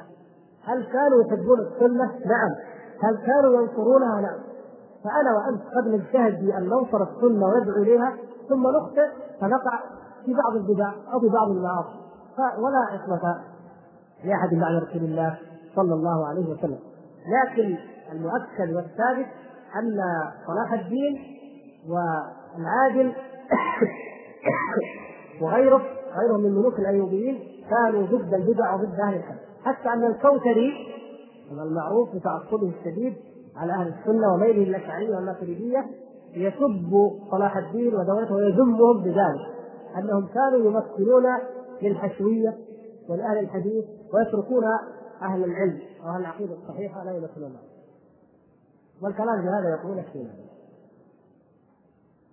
المشروع الخيري والتبرع المجاهدين أيضا نكرر كما طلب الإخوة التبرع بهذين العملين الجليلين أثابكم الله جميعا.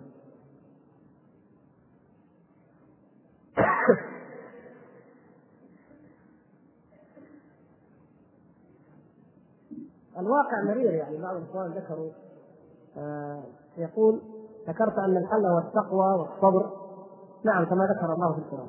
وما كان يفعله ذلك القائد الفذ صورة حية. ولكن يختلف الوضع في العالم الإسلامي الآن. فهناك قادة وحكام يحاربون السنة في دولهم وهم من مصدر قوة. فكيف يكون الجهاد؟ وقد يقومون بقمع كل لحظة كما هو حاصل الآن. هو الوضع هو هو. يعني أول نور الدين ما ظهر أخوان نور الدين ظهر بعد أمد بعد أن كان الذين باعوا الأرض. الرافضة كما ذكرنا العبيديون وغيرهم الذين سلموا البلاد والعباد للصليبيين ولغيرهم. لكن عندما قامت الدعوة عندما تحركت الأمة قام العلماء والخطباء والدعاة في المساجد وفي كل مكان وجد الجيل التالي الذي كان منه عماد الدين ونور الدين. فإذا قامت الدعوة فلا بد أن تتحمل. نعم سيوجد من يقاومها. ويهيئ الله لها أيضا من ينصرها. وهو على ذلك قدير. وتبدأ المعركة في أول الأمر صعبة وشاقة وقد تهزم. ولكن في النهاية سيكون الدين بإذن الله الذي يألف التضحية ويألف الجهاد ويرفع راية السنة وهو واثق من نصر الله سبحانه وتعالى فتكون العاقبة له أما الواقع الآن زي زي أي واقع وسيذهب. كلها ستذهب. كل أعداء الله يضمحلون وكل ما كان لله يبقى ومن كان على تقوى الله فسيبقى قاعدة. وسنة لله تعالى في جميع الأوقات والأشياء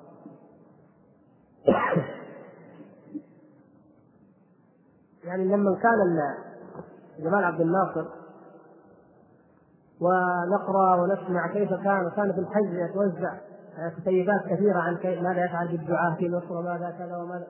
يعني كنا نقول متى يأتي اليوم الذي تتخلص فيه الأمة من جمال عبد الناصر ويترقب يعني هل يموت حتى لما مات؟ أذكر كان بعض الطلاب يعني سجد وظل ساجدا شكرا حتى لما رفع رأسه كان كله أحمر دم. يعني ما تدري ما هو بن عبد الناصر. يموت. أهلكه الله وبعد فترة. الحمد لله. قضى وإذا به يذم ويلعن في المنازل التي كان ينفق عليها ويأسسها.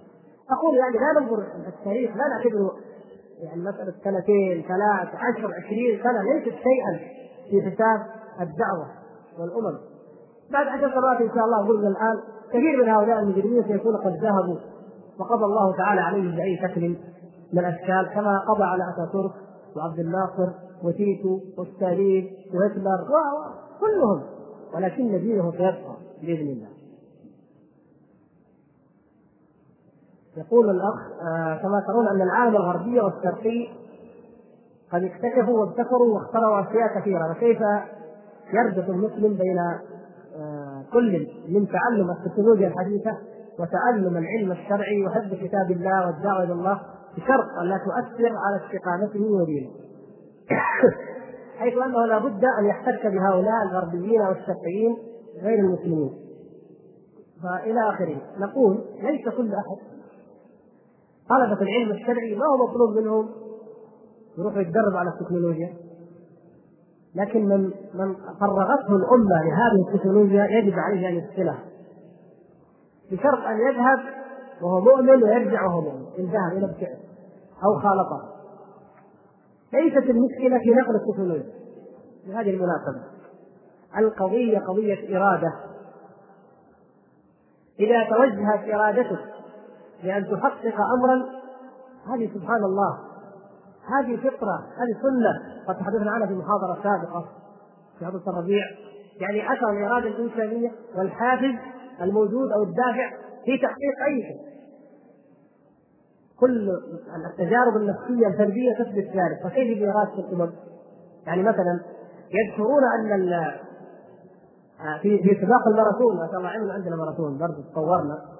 وهو شعيرة جاهلية يعني يونانية آه، يجري يجري اللاعب 20 آه، كيلا مثلا يسقط الأطباء عندما آه، يسقطون هذا الذي سقط يجدون أن كان في إمكانه أن يواصل عشرة اميال مثلا أو خمسة. لكن هو لما سقط لماذا سقط؟ لأنه نفسيا سقط تجارب أخرى. وجدوا أن الإنسان إذا كان ضعيفا منهكا مجهدا تقول له خذ هذه الحبة يقول ما أقدر من جدي أخذها. لو سلطت عليه وحشا أو ثعبانا في الغرفة لقفز يمكن عشرة امتار وقد ذكر أن رجلا قفز عشرة امتار وقد كان مقعدا من فعلا. ليه؟ الحافز يا أخوان الحافز. لهذه المسألة ما هي مسألة كيف ناخذ التكنولوجيا. نبدأ نتعلم من ألف باء ومتى نقر نبدأ بالعبرة. ومتى نصل إلى الكمبيوتر المفاعل الذري؟ قرون وما هي كذا لا تنظر أنت للناحية المادية. اشحذ العزيمة والهمة تجد العجب الأول إمبراطور اليابان أرسل أول دفعة إلى أوروبا رجعوا بالبنطلونات وبالصدائر يتكلموا إنجليزي وألماني. عجيب. هذه هي هذا اللي ابتعدناكم من أجله. فقالوا إنه جمعهم في ميدان وحكم عليهم بالإعدام. وارسل دفعة ثانية وقال اذهبوا. فذهبوا باللباس الياباني. ويطبخون على الطريقة اليابانية ويأكلون على الطريقة اليابانية ويتكلمون اليابانية ورجعوا بالتكنولوجيا الاوروبيه وإذا الآن اليابان تنافس أوروبا حتى أنها اقتحمت أوروبا الشرقية قبل أن تخطط ألمانيا الغربيه وغيرها من الدول الاقتحام. إرادة اوجدت عند الناس في الإرادة. فيتنام. كيف كيف استطاعت أن تهزم أمريكا؟ نفس الشيء. وجدت إرادة مع أن جميع كفار هذه الإرادة اذا وجدت لا يوجد حافز ولا إرادة أقوى من الإيمان بالله ولا أقوى من جهاد أعداء الله ولا أقوى من طلب الجنة. الجنة يا إخوان. لم أرى كالجنه لا مطالبها ولا كالنار لا مهاربها. هذا هذا أقوى حافز يجعل الهارب يضاعف الهرب إذا علم انه يهرب من النار ويجعل الطالب يضاعف الطلب إذا علم أنه يطلب الجنة. سلعه الله الغالية التي بايع النبي صلى الله عليه وسلم أصحابه عليها. ان كنا نريدها فوالله لنجحد الإرادة وننتصر فوالله لنجحد الإرادة وننتصر وإن كنا نريد فقط أن الصحافه الغربية تكتب عنا إننا تطورنا وعندنا شوارع وعندنا كذا وتجيب صور لبعض المناطق فنظل على هذا الوضع قرونا ولن نصل إلى فالمرء حيث يضع نفسه والأمة حيث تضع نفسها. ضعها في القيادة تجد قائد لو لو اجتمعنا 20 نفر في واقع جدا أقول لكم يذكرون من واقع الحياة. لو اجتمع 20 لاعب طلاب راح يلعبوا كورة برا. قام واحد يمسك الكورة ده أنا الكبتر وصرخ عليهم؟ كتبوا وخلوه فعلا يعني لأنه مثل واثبت شيء. لكن لو خلى نفسه لاعب أي لاعب حطوه حارس حطوه حكم. يعني المهم حيث تضع نفسك اعرف أنك إن شاء الله ستكون. ونحن الامه لهذا يقول الله تعالى وأنتم الأعلون. إن كنتم مؤمنين. نحن القياده نحن القادة. قادة العالم نحن. نجي نقول نلتحق بنصب الحضارة. نظل في الدين. لأن ما فكرنا إلا في الالتحاق. ولم نفكر في السباق والقياده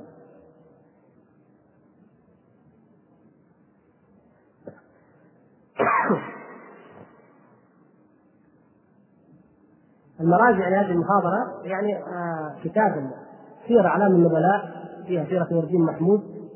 للذهبي رحمه الله. كذلك كتاب نور الدين محمود للدكتور عماد الدين خليل وكذلك كتاب نور الدين محمود للدكتور حسين مؤنس. كتاب البرق الشامي أخبار الروضتين باخبار الدولتين وكامل بن الاثير غيرهم هذا نقف هل للشيعة دور في الحروب الصليبية؟ لا.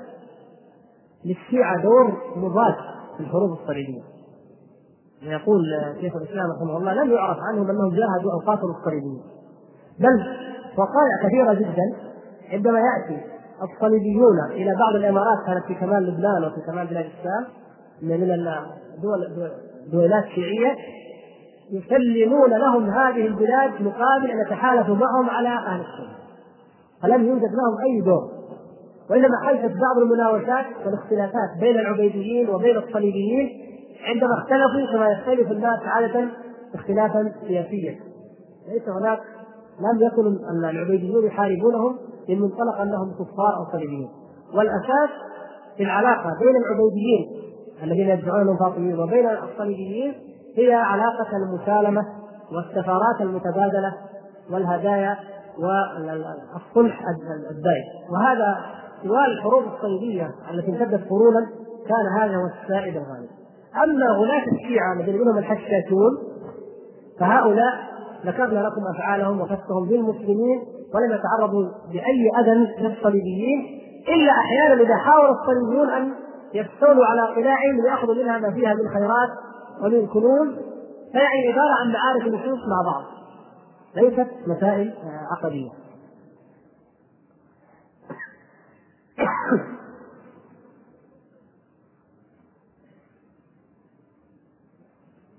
يقول الأخ ذكرت الآن الحروب الصليبية فنود منك الحروب ذكر الحروب العالمية أن تذكرها وأسباب هزيمة المسلمين إلى يومنا هذا لتكون صورة حية.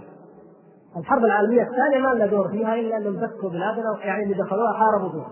حاربوا في أرضنا ما لنا دور ابدا. الحرب العالمية الأولى هي التي تستحق أن تذكر لانها بناء عليها مزقت دولة الخلافه العثمانية ووضعت البلاد الإسلامية تحت الانتداب بناء على نقاط الرئيس ويلسون الأربع عشر وهذه فعلا تستحق إذا قدر الله أو يعني لي أو الإخوة الذين هم أكبر مني ومتخصصون في التاريخ أن يحدثون عنها فهذا شيء طيب.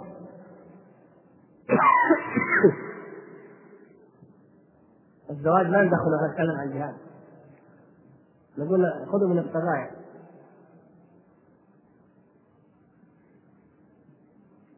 شوف كان هذا يقول أخ سمعنا بهجرة اليهود إلى فلسطين فلماذا يهاجرون إلى هناك؟ أم هل كما سمعنا أنها سوف تكون هي الحرب بين المسلمين واليهود؟ نحن يعني دائما نتفاءل تفاؤل طيب نحن نحب الفعل ونكره الطيرة كما كان رسول الله صلى الله عليه وسلم لكن النبي صلى الله عليه وسلم هديه غير ما نظن يعني نحن لا نتفاءل على حق وحقيقة أنا أسميه تخبير نوع نتخدر بسرعة ما في ناس في اللي يشرب القهوة هذا بتجيب له قهوه إبرة ما يتخدر كما يقولون الأطباء. لكن في ناس أول ياخذ الابره طاف نحن من النوع اللي يتخدر بأدنى مخدر فلما جاءت آه، آه، الأحداث في أوروبا الشرقية خدرونا قالوا هذه سقطت لأنها قائمة على الظلم وعلى الفساد. والاشتراكيه والشيوعية وهي مخالفه للاسلام أما نحن الحمد لله طيبين ومسلمين خلاص الحمد لله وانتهت الشيوعية وانتهت. وهو بخلاف الواقع. تماما لما جاءت الهجرة ظهرت أيضا بعض الأصوات المخدرة. قالوا خلينا نتجمع يا شيخ. ليش؟ قال طيب أصلا كيف نقاتلهم في آخر الزمان. الا اذا تجمع تتجمع على رؤوسنا على دماغنا. وإحنا بنقاتلهم من قال لك اجانا نقاتلهم نحن نأخذ بالاسباب كما شرع الله. فإذا أمر الله وقدر بشيء فأمر الله واقع. وخبر رسول الله صلى الله عليه وسلم صادق وحق. لكن هل يعني ذلك أن يترك اليهود الآن يفعلون كما يشاءون ويتجمعون؟ لا. فنحن نقول الهجرة هذه لماذا؟ لأن اليهود يريدون تقوية دولتهم بالعنصر البشري. هو أهم عنصر في الحياة. اليهود والروافض وغيرهم أهم شيء عندهم العنصر البشري والاقباط في مصر وغيرهم. الزيادة السكانيه مهمة جدا. أما تحديد النسل فهو خاص بالسنة. والدعايات خاصة بهذه السنة. والكلام عن العدد وأن الثلاثة كفاية والخمسة مشكلة وأن الزوجتين حرام أو ممنوع هذا خاص باهل السنة. أهم عنصر في أي دولة في العالم في أي وجود عالمي الآن في هذه الحرب المستعره والصراع بين الأمم. اليهود يريدون تقويته بهذه الهجره ولا غرابة في ذلك. لكن نحن ماذا عملنا؟ قلنا لكم المره الماضيه لا تعيدوا هذا السؤال. إحنا جبنا عندنا هجرة الخدامات. الحمد لله مستمرة إلى أرض المسلمين.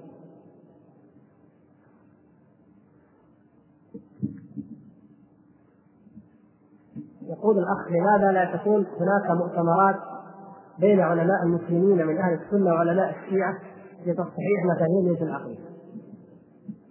هذه ما تحتاج مؤتمر. أنا أذكركم مثال واقعي لما صارت فتنة بعض المبتدعة من سنوات وجاءني احد طلاب صاحبهم وقال ليش الجدل هذا والخلاف وراد ومردود؟ قلت له إيش قال ليش ما يكون فيه مقابلة في التلفزيون ولا في مكان في الجامعة؟ ويجتمعوا ويصير فيه نقاش ويصير فيه هذا ما هو معقول. قال لي إيش النقاط اللي يتوقع ان نتناقش فيها؟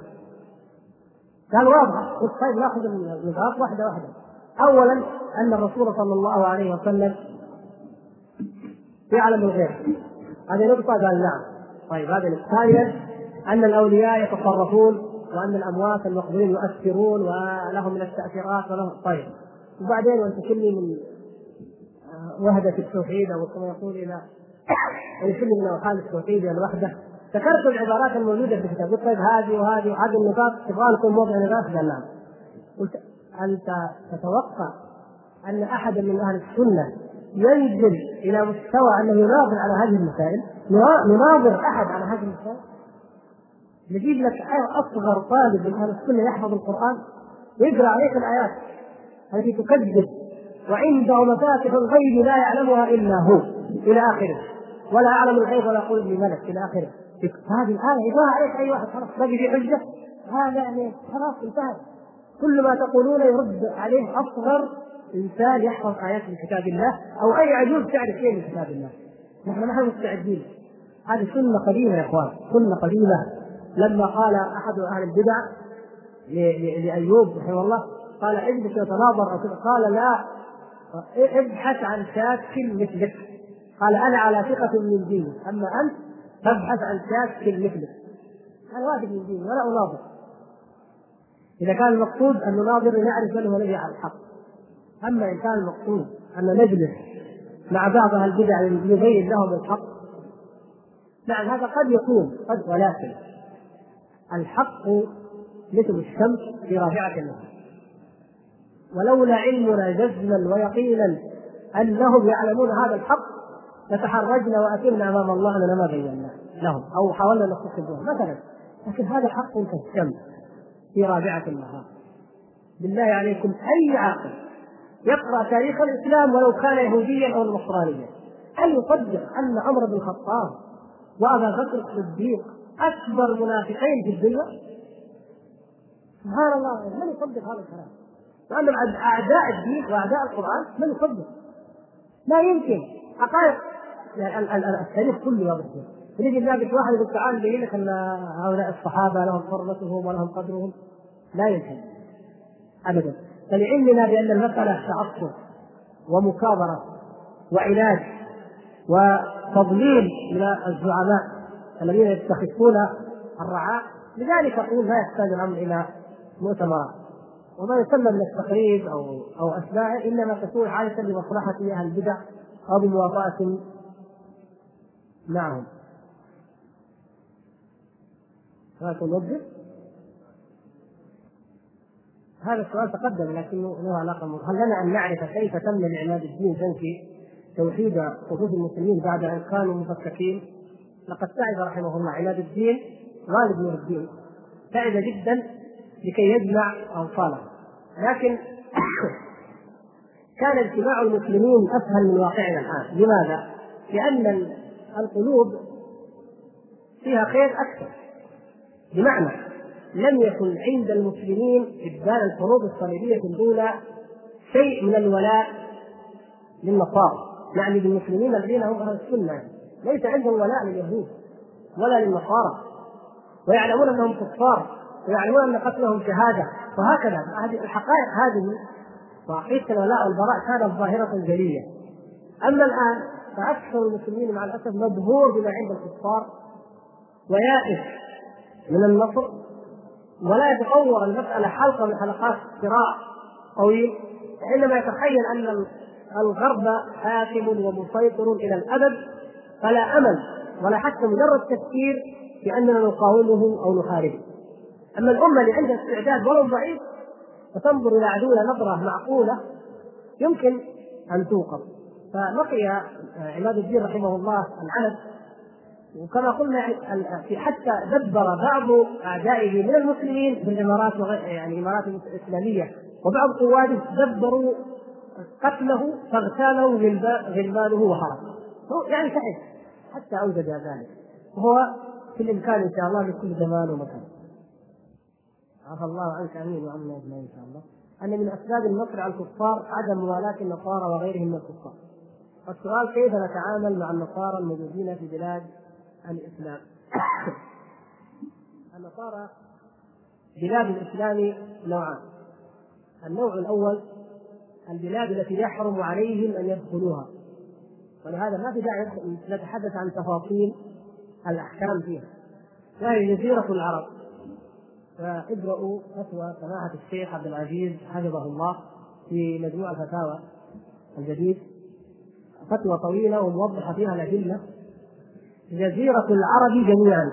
جزيرة العرب جميعا لا يجوز لليهود والنصارى أن يبقوا فيها. وجزيرة العرب تشمل من البصرة كما يقول بعض إلى أطراف الشام إلى الأردن إلى عدن. كل الجزيرة المعروفة. لا يجوز للنصارى أن يدخلوها أصلا. وإن اضطر المسلمين إلى إدخال أحد منهم لضرورة أو كما كان عمر رضي الله تعالى قلنا أعطاهم ثلاثة أيام فقط للبيع. ثلاثة أيام. فهذه تكون ضرورة مقيدة ومقدرة بقدر. وأما خارج جزيرة العرب فهم أنواع. منهم الحربي ومنهم المستأمن ومنهم الذمي ما نبغى نطول في احكام فقهية لكن يعني جدا الحربي هو الذي نحن وإياه في قتال كما كان الحال بين المسلمين وبين الحروب بين الصليبيين، الصليبيون كانوا حربيين محاربين. وأما المستعمل فهو الذي يقدم من الروم البيزنطيين مثلا المحاجين المسلمين في حالة سلم وصلح يقدم منهم إلى بلاد المسلمين ويعطى امانا بأن يقيم بلاد الإسلام زمنا محددا ليبيع أو يشتري أو يذهب.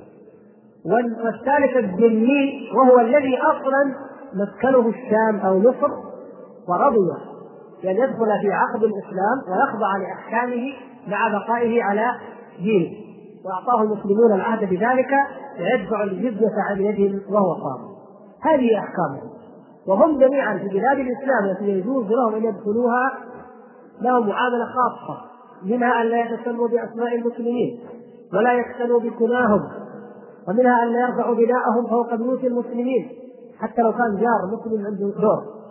ونصراني يستطيع أن يبني دورين لا يجوز له أن يبني مسكنه دورين إلا ان بنى المسلم بيته دورين مقرر هذا وفي الطريق لا يبدأون بالسلام وإذا لقيتموهم فاضطروهم إلى الطريق فاضطروهم إلى اضيافهم الأفضلية في المرور للمسلم عليهم.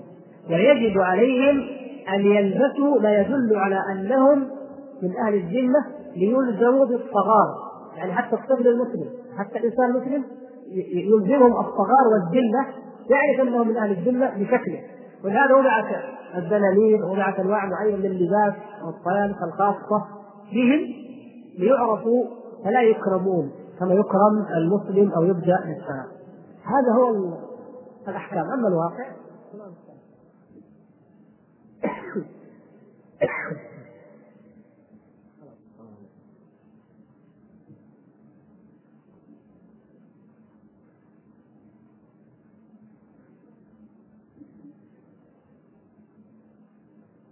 طيب هذا ما له علاقة بالموضوع لكن في علاقة.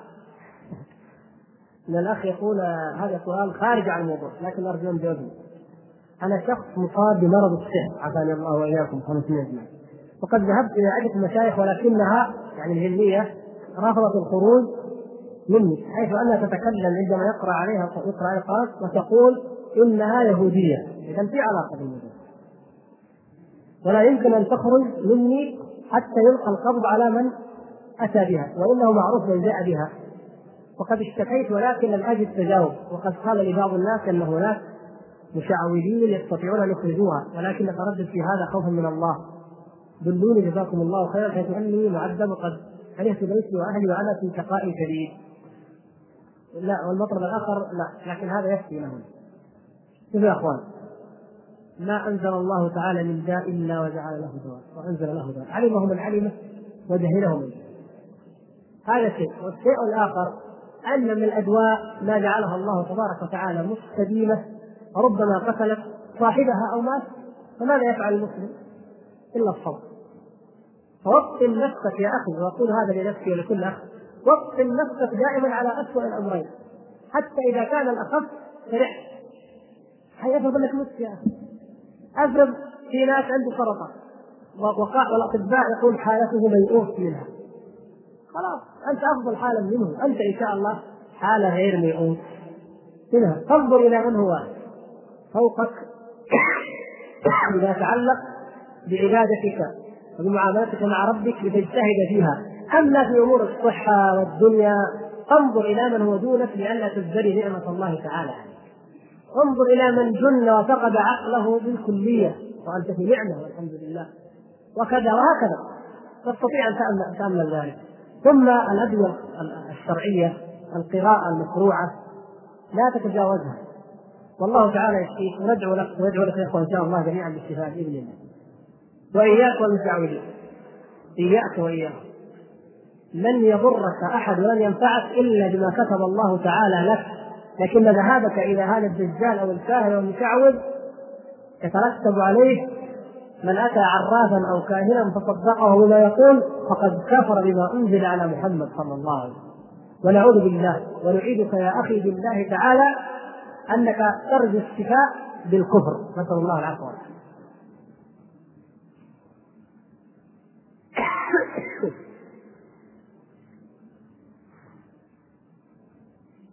هذا نعم. إيه الله نسأل الله أن ادعوا يا إخوان. وليس شرطا الآن. أقول ادعوا له إن شاء الله في سركم اذا رجعتم إلى بيوتكم ولجميع المسلمين إن شاء الله. آه هذا خبر يقول الأخ لاول مرة منذ خمسة عشر قرنا. الله المستعان. مجلس كنائس مجلس كنائس الشرق الأوسط. ايد دولة فلسطينية مستقلة. نعم. مجلس كنائس إيش؟ الشرق الأوسط. لا يحتاج ان كلام طويل لكن فهمت اللعبه كيف؟ قيام دولة فلسطينية على قطعه تاريخ صغير في الضفه مثلا الغربية وتحت حماية وسلطه إسرائيل. هذا الشيء اللي الآن يجعله العرب مطلب عظيم اذا تحقق فقد انتهت جميع مشاكلنا في الدنيا. يؤيده يؤيده مجلس كنائس الشرق الأوسط، يعني إذا قامت الدولة سيكون ممن أيدها ويحتفظ له بالجميل والشكر والعرفان ولا ينسى معروفه مجلس الكنائس النصارى. كل نعمة يدخلون. واحد يهاجم ويمد العدو بالقوة والآخر يقول أنا معك حتى لو في الامم المتحده ترفع يدي مع العرب مع الدول الفلسطينية نسجد نستنكر العدوان الإسرائيلي لماذا؟ أدوار موزعة. أدوار. ونحن كالقرى يقذفنا هذا إلى هذا ثم يقذفنا هذا إلى هذا وأدوارهم موزعة فيما بينهم. الشرق الأوسط كما يسمى تسمية استعمارية. هذا هو العالم الإسلامي. العالم الإسلامي لا نعترف فيه بمجلس الكلام. ابدا. الموجود منهم هم أهل ذمة.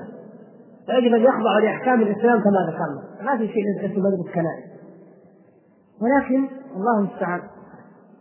إذا كان كما ترون البابا يشارك في احداث لبنان والبطريرك صهير ومصهير وجماعته يشاركون وعلماء المسلمين بعيدون عن المعركة فإذا نحن نستحق. يعني هم الذين جعلوا علماءهم واحبارهم ورهبانهم كذلك ونحن علماؤنا أقصيناهم أو المهم أنهم لا وجود لهم في المعركة. فاذا لذلك هم لا ينامون. وهم يلعبون وهم يخططون وهم ينكرون ويكيدون ولكن يجب نحن أن نخطط وأن نعمل وأن نجتهد. والطريق الان يبدأ بخطوة واحدة وهي الخطوة التي لا يمكن تجاوزها ابدا وهي التي نبدأ فيها ونعيد ونقول وإن تصبروا وتتقوا لا يضركم كيدهم شيئا. هذا والحمد لله رب العالمين وصلى الله وسلم وبارك على عبده ورسوله محمد وعلى آله وصحبه.